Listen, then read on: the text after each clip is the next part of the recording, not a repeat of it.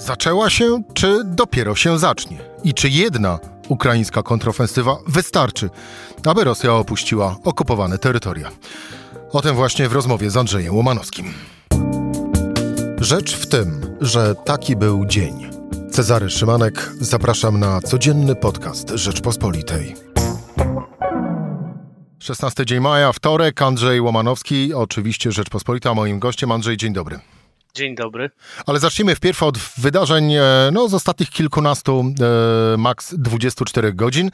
Z wpisu głównodowodzącego ukraińską armią generała Waleria Załużnego w serwisie Telegram wynika, że w nocy Rosja wystrzeliła przeciwko celom na Ukrainie 18 różnego rodzaju pocisków, w tym 6 pocisków hipersonicznych Kinjal i zostały one przez stronę ukraińską zestrzelone. Tymczasem Rosja informuje, że podczas nocnych uderzeń na Kijów zniszczono wyprodukowany przez USA system obrony powietrznej Patriot za pomocą hipersonicznego pocisku Kinjal.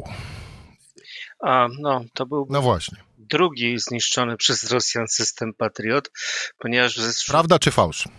W zeszłym tygodniu. Nie wiem, no, musimy jeszcze chwilkę poczekać, żeby pojawiły się bardziej dokładne informacje, co się działo dzisiaj w nocy w Kijowie, ale w zeszłym tygodniu już była taka sytuacja. Wtedy Ukraińcy po raz pierwszy zestrzelili e, Kinjal pocisk nie dający się zestrzelić, jak twierdzą Rosjanie.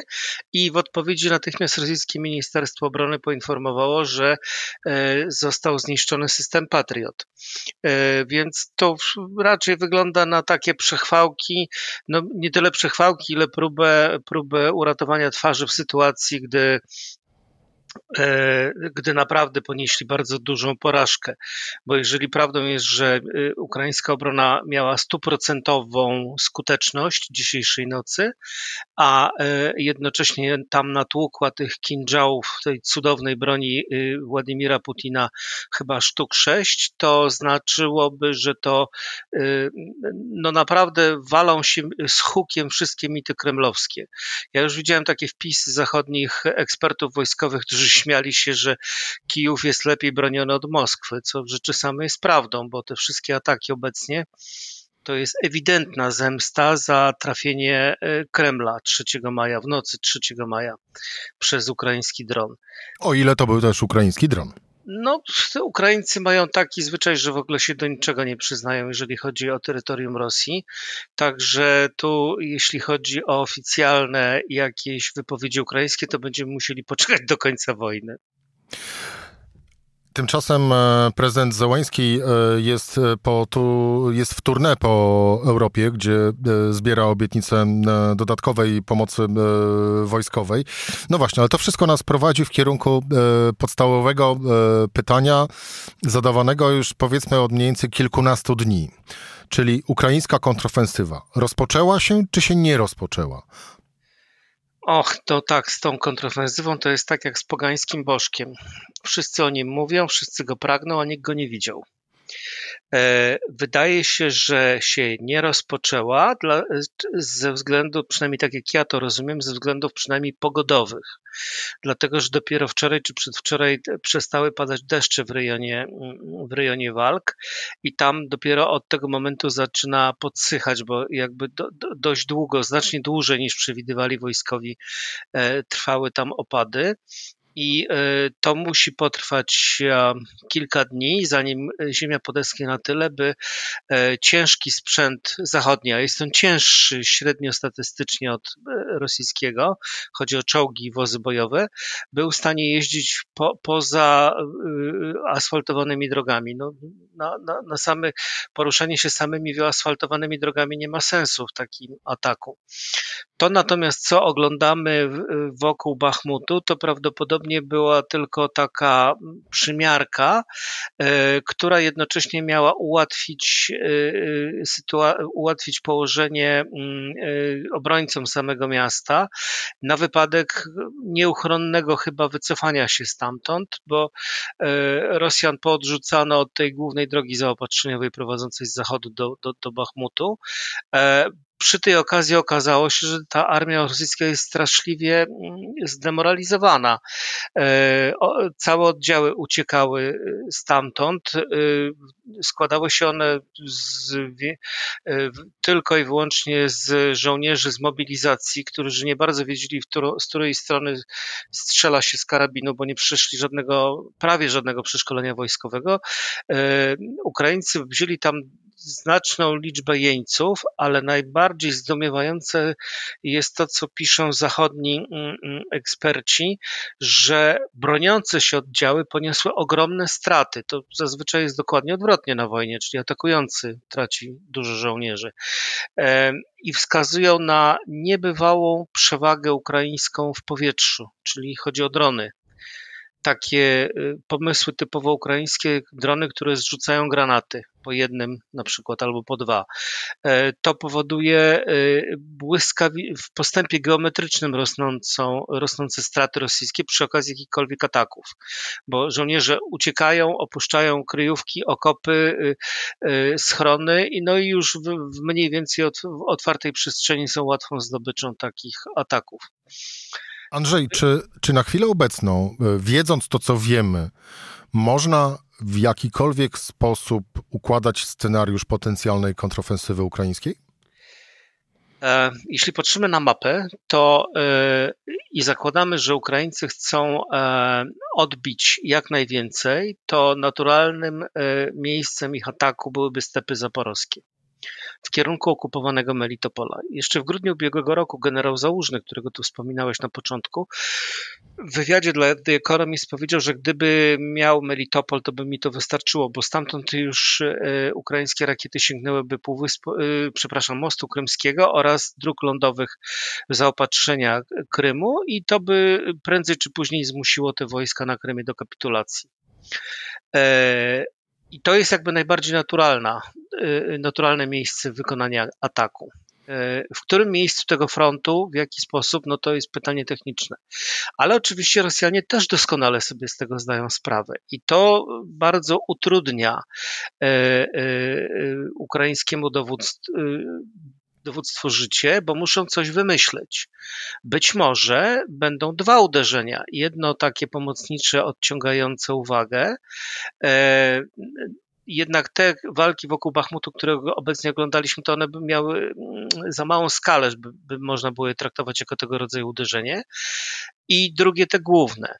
Albo może będzie to seria uderzeń w różnych miejscach na froncie, bo Ukraińcy zdaje się rozumieją, że przy tej koncentracji, przy tej masie wojska rosyjskiego, która tam jest skoncentrowana w stepach, może im się nie udać ich pokonać i y, zadowolą się jakimiś mniejszymi zdobyczami. Zresztą sam Melitopol byłby taką powiedzmy mniejszą zdobyczą, bo chodziłoby o, o e, w początkowej fa fazie e, dyskusji o tym kontrnatarciu mówiono, że Ukraińcy chcieliby dotrzeć do wybrzeża Morza Azowskiego, do Bierdiańska, a nawet Mariupola. No wtedy rzeczywiście rozsiekaliby te zgrupowanie rosyjskie na, na dwie części, tylko czy oni mają na to siły? I czy mają tyle e, sprzętu wojskowego?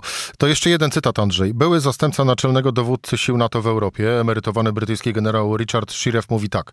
Jedna kontrofensywa Ukrainy może nie wystarczyć, by przynieść pożądane przez Kijów rezultaty. Koniec e, cytatu. Te pożądane rezultaty, wszyscy dobrze wiemy, to jest przy, wyparcie rosyjskich wojsk poza granicę Ukra Ukrainy. E, nie te z okupowanymi terytoriami, tylko również wyswobodzenie wcześniejszych okupowanych przez Rosję e, terytoriów, ale to z kolei, no właśnie, to z kolei prowadzi do takiego wniosku, mm, że jakkolwiek by się nam mogło wydawać, że pójdzie wiosenna kontrofensywa i trzymając oczywiście kciuki za Ukraińców, przyniesie ona e, sukces, no ale to tak naprawdę dopiero będzie początek wyzwalania Ukrainy i ta wojna może trwać jeszcze miesiącami. A nawet latami, o czym zresztą sami Ukraińcy mówią. E, to znaczy, dopóki się to nie zaczęło, to my naprawdę mamy ogromny kłopot, żeby powiedzieć cokolwiek na ten temat. To znaczy, chodzi o ten kontrnatarcie ukraińskie, ponieważ cała grupa byłych wojskowych, głównie amerykańskich, bo to generał Ben Hodges, czy Mark Hertling, czy Australijczyk Mick Ryan twierdzą, że jedno jedno a solidne uderzenie wystarczy. No to spór wśród generałów. E, I dopóki Ukraińcy nie ruszą do ataku, to my tego nie będziemy mogli rozstrzygnąć. Jak już ruszą, będziemy widzieli mniej więcej, jak sytuacja wygląda. Przy czym sam generał Załużny mówi o swoim głównym przeciwniku, czyli szefie sztabu rosyjskiej armii, generale Gerasimowie, że jest to przeciwnik silny i podstępny. Także no, łatwo nie będzie i możliwe, że. Yy, ta ofensywa zakończy się powiedzmy latem i część dostaw, których obietnicę otrzymał Zełenski, jeżdżąc teraz po Europie, będą wysyłane na Ukrainę już z myślą o odbudowaniu ukraińskiej armii po tych walkach nieuchronnych, obecnych, wiosennoletnich. No potem ukraińscy żołnierze też będą potrzebowali czołgów, wozów bojowych i tak dalej i to prawdopodobnie szefowie państw Europy Zachodniej, składając te swoje obietnice, też brali pod uwagę, że ich e, dostawy dotrą na Ukrainę e, po, po ofensywie. Przy czym obecny stan. Albo przed drugą kontrofensywą. No, to na pewno, bo y, y, widząc zajadłość ukraińską, to nie miejmy wątpliwości, że łatwo oni nie zrezygnują z wyzwolenia swojego kraju. I jeżeli nawet nie uda im się wbić głęboko obecnie w rosyjskie pozycje, to jestem przekonany, że na przykład staną na głowie, żeby znowu trafić most krymski w jakikolwiek sposób, czymkolwiek, ale żeby go jeszcze raz, jeszcze raz e, unieruch znaczy unieruchomić transport po tym moście, e, czy zaatakować bazę w Sewastopolu. No, wszystko to przed nami i dopóki, dopóki e, ukraińscy żołnierze nie ruszyli do ataku, to naprawdę trudno, trudno tutaj cokolwiek prorokować. Trudno również prorokować, jak rozumiem, kiedy dokładnie owa kontrowersywa może się zacząć. Z przybliżeniem plus minus, czy nawet 3, 4 jeżeli, jeżeli, e, e, jeżeli rzeczywiście to jest tak, że te deszcze zakończyły się, jakieś tam opady różnego rodzaju e, w stepach dzień, dwa dni temu, no to około tygodnia trzeba czekać, aż ta ziemia podeschła. Być może to się tam nie rozkłada tak równomiernie po całej linii frontu i są już jakieś odcinki, po których mogłaby się posuwać ciężka technika wojskowa, no to wtedy ten atak nastąpi wcześniej. A Y, jednak wcale nie jest powiedziane, że kiedy to już wszystko wyschnie, to natychmiast tego samego dnia Ukraińcy ruszą do ataku, bo być może spokojnie poczekają, y, wykonując jakieś ruchy zwodzące przeciwnika, wprowadzające go w błąd i tak dalej, i tak dalej. Andrzej, a y, kończąc obecną sytuację na froncie, jak byś określił? Pad. Walki o Bachmut trwają tylko dlatego, że e, e, ten były, były kryminalista, obecny milioner Jewgeni Prigorzyn jest człowiekiem bardzo ambitnym i wydaje się, że rzeczywiście obiecał Putinowi, że zdobędzie to miasto i tylko ta jego wściekłość napędza, napędza obecne ataki, ponieważ już wszyscy, nawet rosyjscy sztabowcy i generałowie mówią, że Bachmut nie ma jako taki wielkiego znaczenia strategicznego dla tej wojny. Jest to tylko, on ma tylko znaczenie dla, dla ego Jewgenia Prigorzyna. Tak samo jak e, pociski hipersoniczne dla ego Władimira Putina. Tak, no, teraz będzie miał je znacznie mniejsze. E, zdaje się, że cała ta jego broń, o którą się tak chwalił, to, to jakby to powiedzieć, e, ładnie wygląda tylko na filmach animowanych, które pokazywał. Bo na razie, na razie mamy klapę z pociskami hipersonicznymi Kinjal. E, e, czołgów armata T-14 nikt na linii frontu nie widział, tylko tam jakieś opowieści były, że one gdzieś podjechały i gdzieś strzelały, ale y, Ukraińcy sami sobie wyznaczyli nagrodę tam ze śmiechem, dlatego kto pierwszy zdobędzie taki czołg. No ponieważ oni go nie zdobyli, to znaczy, że ich tam nie było na tej linii frontu. I to samo z tymi wszystkimi pozostałymi zabawkami Władimira Putina, które, mu dały, y, które miały mu dać przewagę nad Stanami Zjednoczonymi. Andrzej Łomanowski, Rzeczpospolita. Dziękuję Ci Andrzeju bardzo za rozmowę. Dziękuję bardzo. To była Rzecz w tym we wtorek. Cezary Szymanek. Do usłyszenia.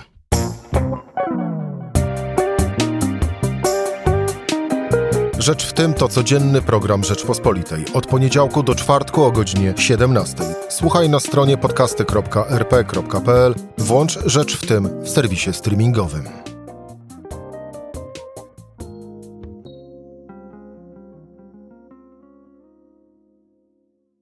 Poznaj mocne strony Rzeczpospolitej. Wejdź na prenumerata rp.pl. Polecam. Bogusław Rabota, redaktor naczelny.